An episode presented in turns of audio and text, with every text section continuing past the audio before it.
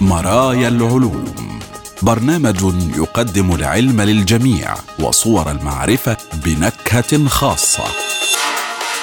مرايا العلوم يسعى إلى اكتشاف عالم أفضل عبر جسر العلوم والتكنولوجيا. مرايا العلوم العلم كموضوعة رائجة نحو حياة أكثر فعالية واتساق أكبر مع الطبيعة.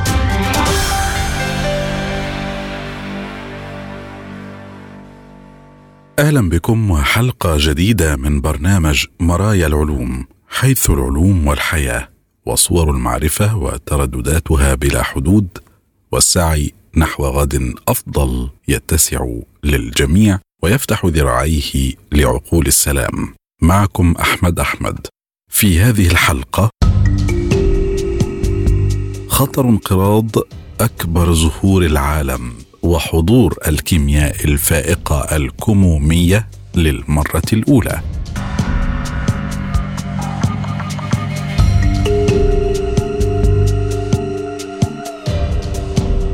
الآن نبدأ حلقتنا. قفزة عملاقة في الكيمياء الفائقة الكمية أو الكيمياء الكمية الفائقة أو قل كيمياء الكوانتم. لاحظ باحثون أمريكيون ظاهرة تعرف باسم الكيمياء الفائقة الكمومية حيث تخضع الذرات شديدة البرودة لتفاعلات كيميائية بمعدل أسرع من المعتاد. تم التنبؤ بهذا التأثير نظريا منذ أكثر من عشرين عاما لكن هذه هي المرة الأولى التي شوهدت فيها تلك الظاهرة.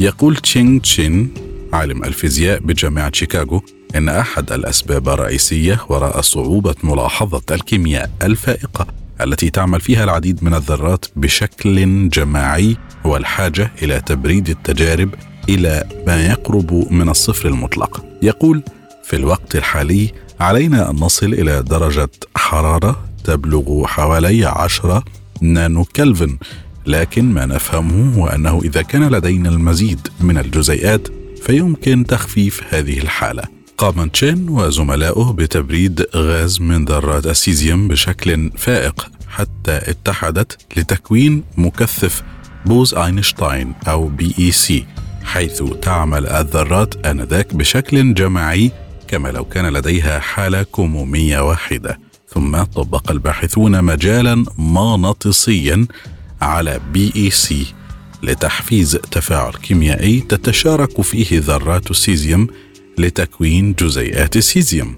في الكيمياء الكلاسيكية ترتد ذرات السيزيوم الموجودة في الغاز حتى تصطدم ذرتان ببعضهما البعض مع احتمال أن تشكل بعد ذلك جزيء السيزيوم بالصيغة CS2 كل هذه التفاعلات داخل الغاز على نطاق أوسع ستحدث على مدى فترة من الزمن حيث تتصادم بعض الذرات وتشكل جزيئات في وقت مبكر وبعضها يحدث لاحقا اعتمادا على تركيز الذرات. ولكن في التجربات الأخيرة تلك شكلت ذرات السيزيوم شديدة البرودة داخل BEC جزيئات السيزيوم دفعة واحدة بمعدل أسرع بكثير مما يحدث عندما يحدث التفاعل في ظل الظروف الكلاسيكية المعتادة. على سبيل المثال في تجربة أجريت على بضعة آلاف من الذرات زادت الزيادة في هذه الذرات. ويقول تشين إن معدل التفاعل كان في حدود ثلاثة إلى خمسة من المرات مقارنة بالمعدل الطبيعي المعتاد. ويظهر البحث أنه كلما زاد عدد الذرات في BEC حدث التفاعل بشكل أسرع وأكبر. وقال أيضا لم تعد تتعامل مع التفاعل الكيميائي باعتباره تصادما بين جزيئات مستقلة بل تتعامل كعملية جماعية. الكل يتفاعل معا. وتتعارض هذه الظاهرة مع تأثير آخر ملحوظ ل BECs حيث يتم قمع التفاعلات الكيميائية بين الذرات الفيرميونية في مثل هذه الحالة. ويكون العدد الإجمالي للجسيمات المكونة في الذرات الفيرميونية تلك دائما يكون رقما فرديا. في حين أن العدد الإجمالي للجسيمات المكونة للذرات الفرميونية يكون دائما رقما آخر. يوضح الفيزيائي بيتر كروغر من جامعة ساسكس الذي لم يشارك في البحث أن الجسيمات الموجودة في السيزيوم والذرات البوزونية الأخرى هي أعداد زوجية. يقول هنا مع البوزونات تحصل على تحسين للديناميكا الحرارية إنه أمر مثير للاهتمام حقا من وجهة نظر أساسية. هذه فئة جديدة من الظواهر. ويشير الفيزيائي وولفغانغ كيترلي من معهد ماساتشوستس للتكنولوجيا والذي لم يشارك أيضا في المشروع إلى أنها قد لا تكون أول ملاحظة للكيمياء الفائقة الكمومية. مستشهدا بورقة بحثية من عام 2000 ذكرت أدلة على ذلك. ويضيف كيترلي الذي تقاسم جائزة نوبل في الفيزياء عام 2001 لعمله الرائد في BECs يقول الورقة الجديدة مختلفة على كل حال وتذهب إلى ما هو أبعد من الدراسات السابقة كافة.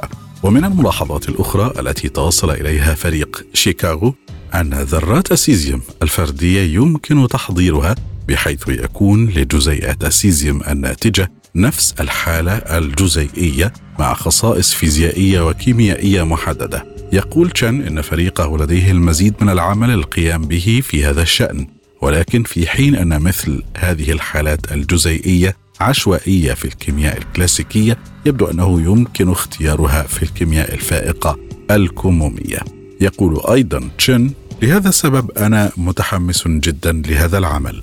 لا يمكننا رؤية تفاعل أسرع فحسب بل يمكننا أيضا رؤية لتشكل المنتجات في حالة جزيئية معينة.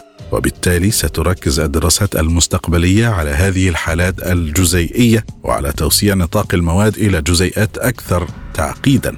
وفي حين أن الكيمياء الفائقة الكمومية قد يكون لها يوما ما تطبيقات في مجالات مثل الحوسبة الكمومية الا أن تشن يشير إلى أن إعداد مثل هذه التجارب معقد للغاية بحيث لا يمكن استخدامه عمليا.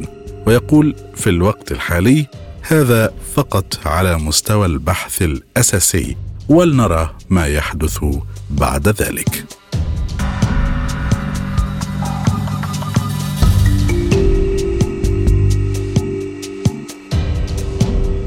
تقول نظرية الجاذبية الجديدة المعروفة بالملتوية أو الملتفة أو بالالتواء. إن المعلومات يمكنها الهروب من الثقوب السوداء بعد كل شيء.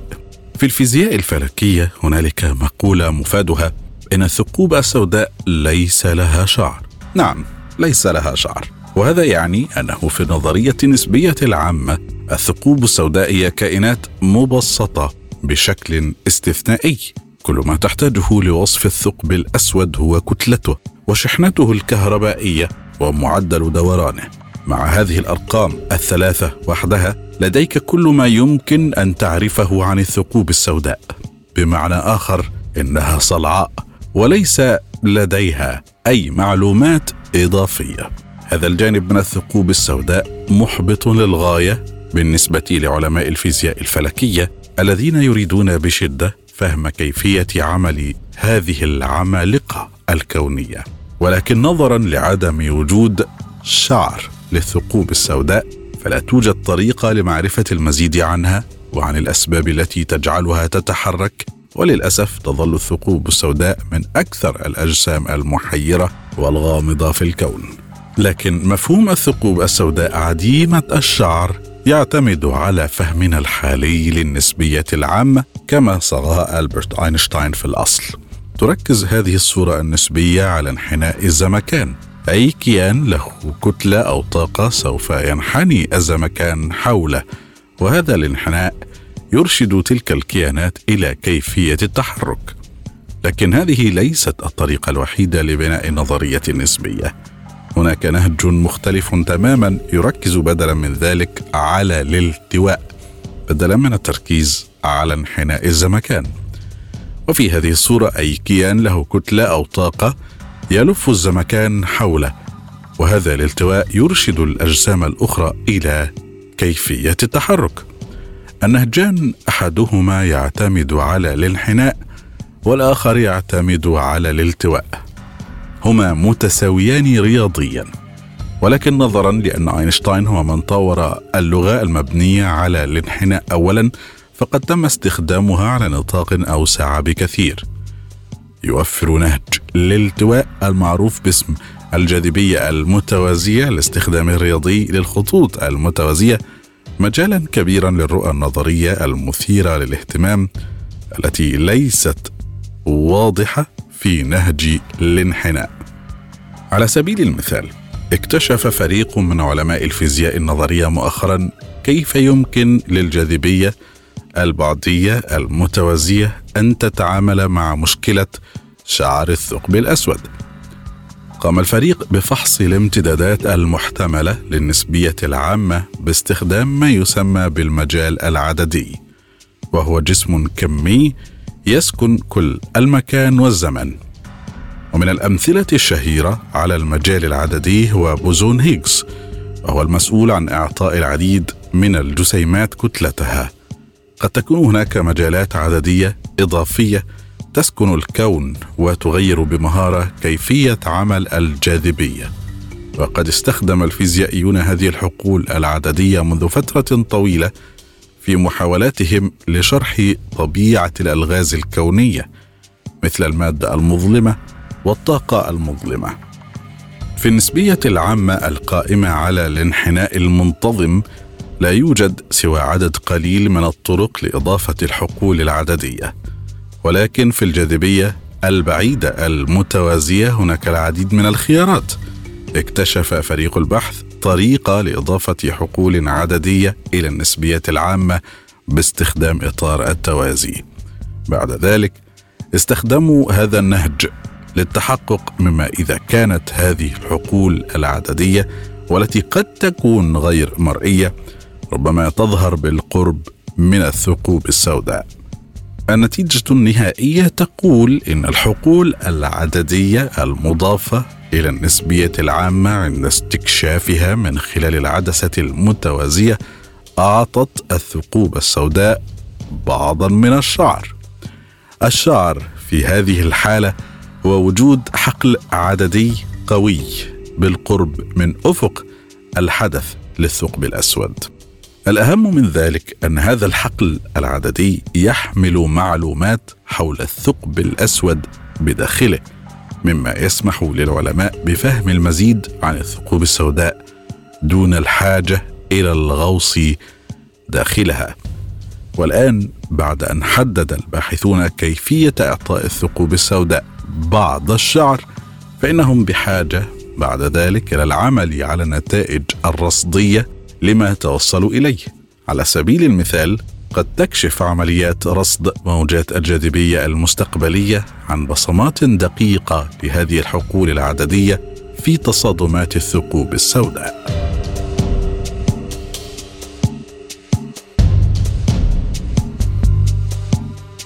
تواجه أنواع رافليسيا خطر الانقراض الشديد.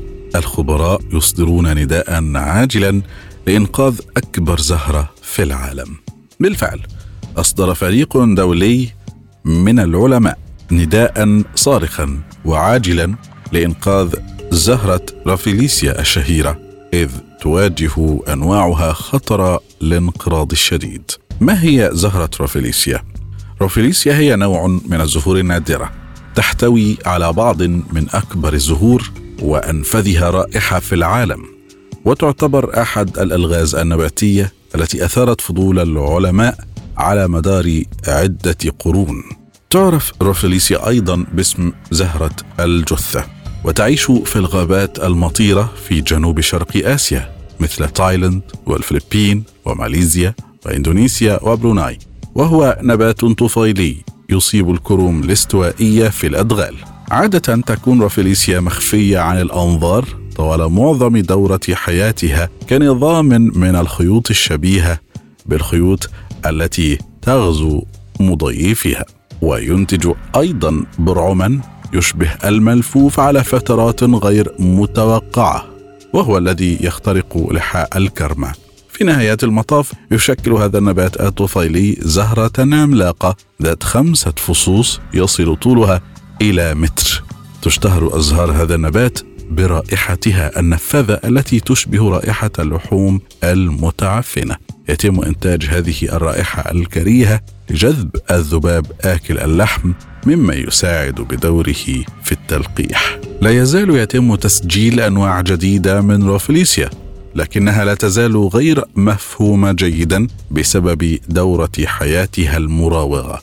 وللحصول على فهم أفضل لنقاط ضعفها أنشأت مجموعة من الباحثين أول شبكة عالمية منسقة لتقييم التهديدات التي تواجهها رافليسيا. قام علماء النبات من حديقة النباتات بجامعة أوكسفورد وجامعة لوس بانيوس بالفلبين بفحص 42 نوعا معروفا من رافليسيا وبيئتها لفهم النبات الطفيلي وحالة الحفاظ عليه وكشفت نتيجة الدراسة أن جميع أنواع رافليسيا البالغ عددها 42 نوعا كلها مهددة بالانقراض واستنادا للمعايير التي يستخدمها الاتحاد الدولي للحفاظ على الطبيعة IUCN صنف الباحثون 25 نوعا على أنها مهددة بالانقراض بشدة و15 نوعا على أنها مهددة بالانقراض واثنان على أنهما ضعيفتان. بالإضافة إلى ذلك فإن أكثر من الثلثين النسبة بالضبط 67% أكثر من ثلثي الأنواع غير محمية من خلال استراتيجيات الحفظ الإقليمية أو الوطنية. ونظرا لتوزيعاتها المقيدة للغاية فإن أنواع رافليسيا معرضة بشكل خاص لتدمير بيئتها الطبيعية. تشير الدراسة إلى أن العديد من المجموعات المتبقية من هذا النبات تحتوي فقط على عدد قليل من الأفراد الموجودين في مناطق غير محمية ومعرضة لخطر التحول للزراعة. وهذا يجعل الحفاظ على الموائل أولوية ملحة لأن الجهود المبذولة لنشر روفليسيا في الحدائق النباتية لم تحقق سوى نجاح محدود. ولمواجهة خطر الانقراض يقترح فريق البحث إضافة جميع أنواع روفليسيا إلى القائمة الحمراء للأنواع المهددة بالانقراض الصادرة عن الاتحاد الدولي لحفظ الطبيعة. وحاليا يعتبر روفليسيا ماغنيفيكا هو النوع الوحيد المدرج على أنه مهدد بالانقراض بشدة ويدعو الخبراء إلى اتخاذ إجراءات مثل توفير حماية أكبر لموائل النبات وطرق جديدة للتكاثر. وفهم أفضل للانواع الموجودة كما يوصون بتشجيع السياحه البيئية حتى تتمكن المجتمعات المحلية من الاستفادة من محمية روفليسيا وكما يصف العارفون فإن السكان الأصليين هم من أفضل حراس الغابات. كالعادة ويمكن أن تكون برامج الحفاظ على روفليسيا وغيرها أكثر نجاحا فقط إذا تم إشراك المجتمعات المحلية.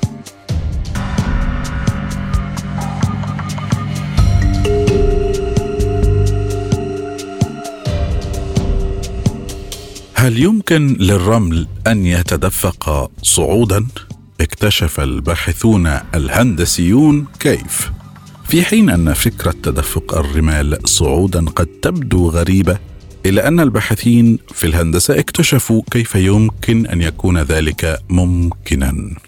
يوضح جيمس جيلكريست أحد مؤلفي الدراسة وسام ميدريد وروث إتش أستاذ الهندسة الجزيئية الحيوية والكيميائية في كلية راسين للهندسة والعلوم التطبيقية في جامعة ليهاي. إنه بعد استخدام المعادلات لوصف تدفق المواد الحبيبية تمكنوا بشكل قاطع من إثبات حركة الجسيمات المشابهة للحبيبات.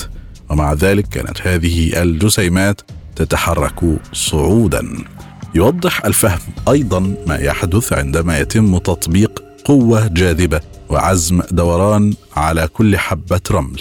في مثل هذه الحالات تتحرك حبات الرمل إلى أعلى التلال. يمكنها التحرك لأعلى وأسفل الدرج وحتى أعلى الجدران. يمكن أن تؤدي هذه النتائج غير العادية إلى المزيد من الأسئلة والمزيد من التطبيقات في الزراعة والرعاية الصحية ونقل المواد. كان التقاط اللحظة بمنزلة صدفة كاملة أثناء بحث يعرف بالكبسلة الدقيقة وهو الذي أجراه دكتور سامويل ويلسون ويتفورد باحث مشارك في مرحلة ما بعد دكتوراه من مختبر جيل كريست. لخلط الجسيمات والتنظيم الذاتي عندما أدار مغناطيسا تحت قارورة من الأسطوانات الدقيقة وهي عبارة عن جزيئات بوليمر مغلفة بأكسيد الحديد. حينها بدأت الحبوب في التحرك صعودا. ثم حاول الباحثون التعمق أكثر وأكثر في هذه الظاهرة عندما سكب الباحثون بكرات صغيرة دون تنشيط مغناطيسي اهتزت نحو الأسفل. ومع ذلك عندما استخدموا تقنية عزم الدوران مع المغناطيس بدأت الجسيمات في الدوران وشكلت ثنائيات مؤقتة تشكلت بسرعة ثم انقسمت. قال جيل كريست إن هذا يدل على التماسك الذي يؤدي إلى زاوية سكون سلبية بسبب معامل الاحتكاك السلبي. كما أن تعزيز القوة المغناطيسية يعزز أيضا التماسك مما يمكن الحبوب من التحرك بشكل أسرع والحصول على مزيد من قوة السحب والجر. يقول إن الحركة الجماعية لحبات الرمل وقدراتها على الالتصاق ببعضها البعض تمكن كومة جزيئات الرمل من التعاون في أداء أنشطة غير بديهية مثل تسلق السلالم أو صعود الجدران.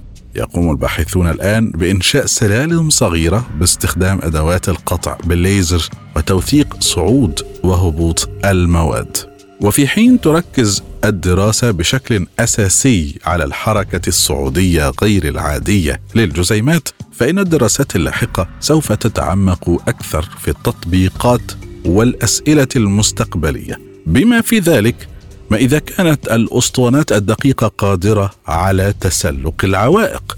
مثلا تطبيقات هذه النتائج واسعة في نطاقها حيث يمكن استخدام هذه الأسطوانات الدقيقة لتحريك الأشياء وأيضا لخلط الأشياء وكذلك لفصل المواد. ويمكن تطبيقها أيضا في مجال الروبوتات الدقيقة مما قد يفيد في قطاع الرعاية الصحية. ويوضح العلماء أنهم يجرون دراسات متعمقة على الجسيمات كما يجربون معدلات دوران مختلفة وقوى مغناطيسيه عديدة. هم يفعلون ذلك من أجل معرفة المزيد عن آليات الحركة الجماعية للجزيئات كافة.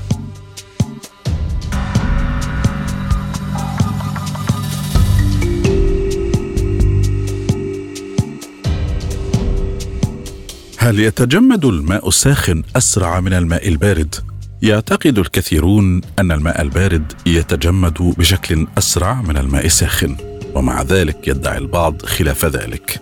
إذا وضعت كوبين من الماء أحدهما ساخن والآخر بارد في الثلاجة فمن المرجح أن تعتقد أن الماء البارد سوف يتجمد بشكل أسرع.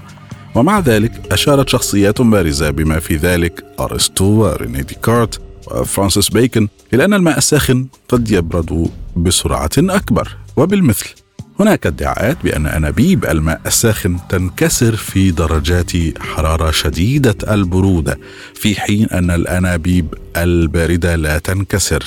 ومع ذلك ناقش الفيزيائيون ما إذا كان هذا يحدث لأكثر من خمسين عاما.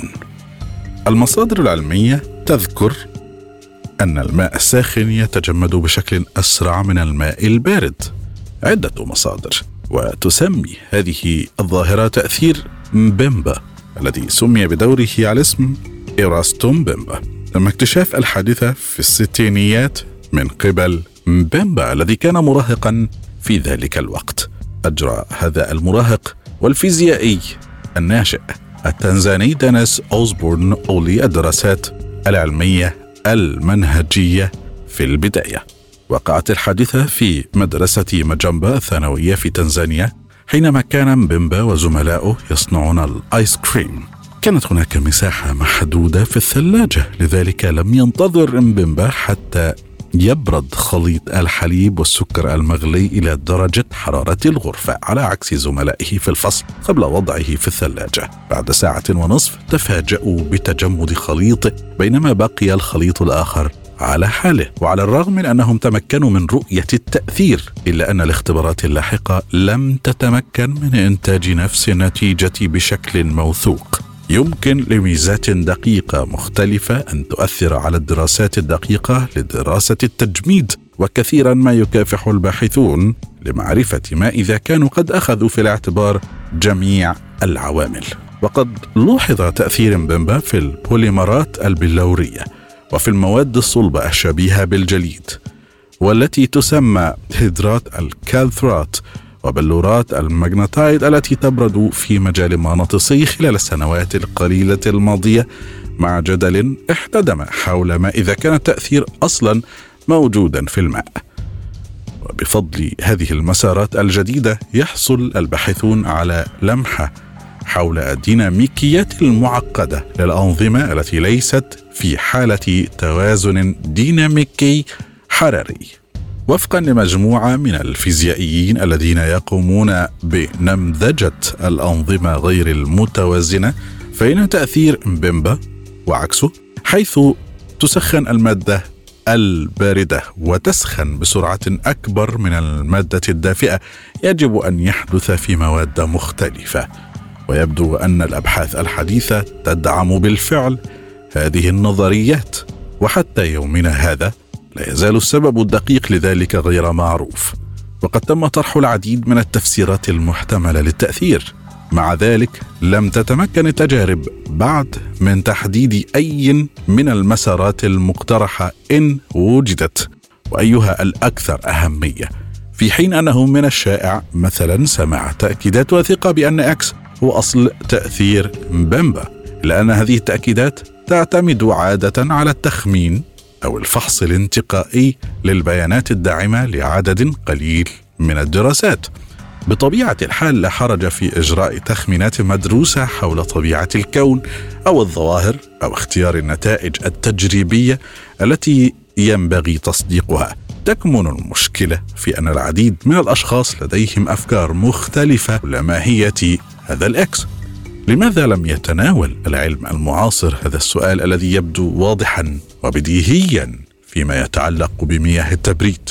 المشكلة الأساسية هي أن التفاصيل المختلفة للإعداد التجريبي مثل حجم الحاوية وشكلها وحجم وحدة التبريد وشكلها وكمية الغاز والشوائب الموجودة في الماء وأيضا كيفية تحديد وقت التجميد وسواها كلها لها أهمية خاصة. تأثير كبير على المدة التي يستغرقها تجميد الماء. وبسبب هذه الحساسية اتفقت التجارب عادة على وجود هذا التأثير تأثير بمبا وفي الختام الماء الساخن يتجمد بسرعة أكبر من الماء البارد في حالات مختلفة. وقد لوحظ حدوث ذلك في العديد من التجارب وهو أمر ليس ابدا بالمستحيل.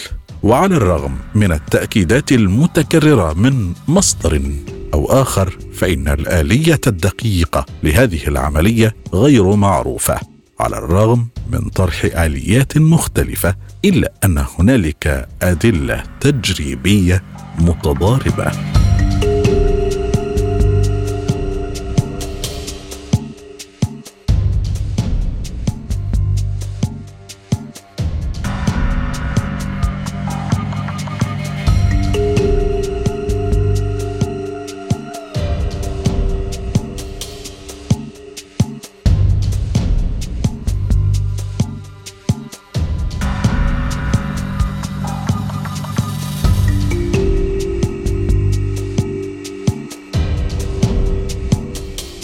إلى هنا مستمعينا الأكارم نكون قد وصلنا وإياكم إلى خاتمة هذه الحلقة من مرايا العلوم.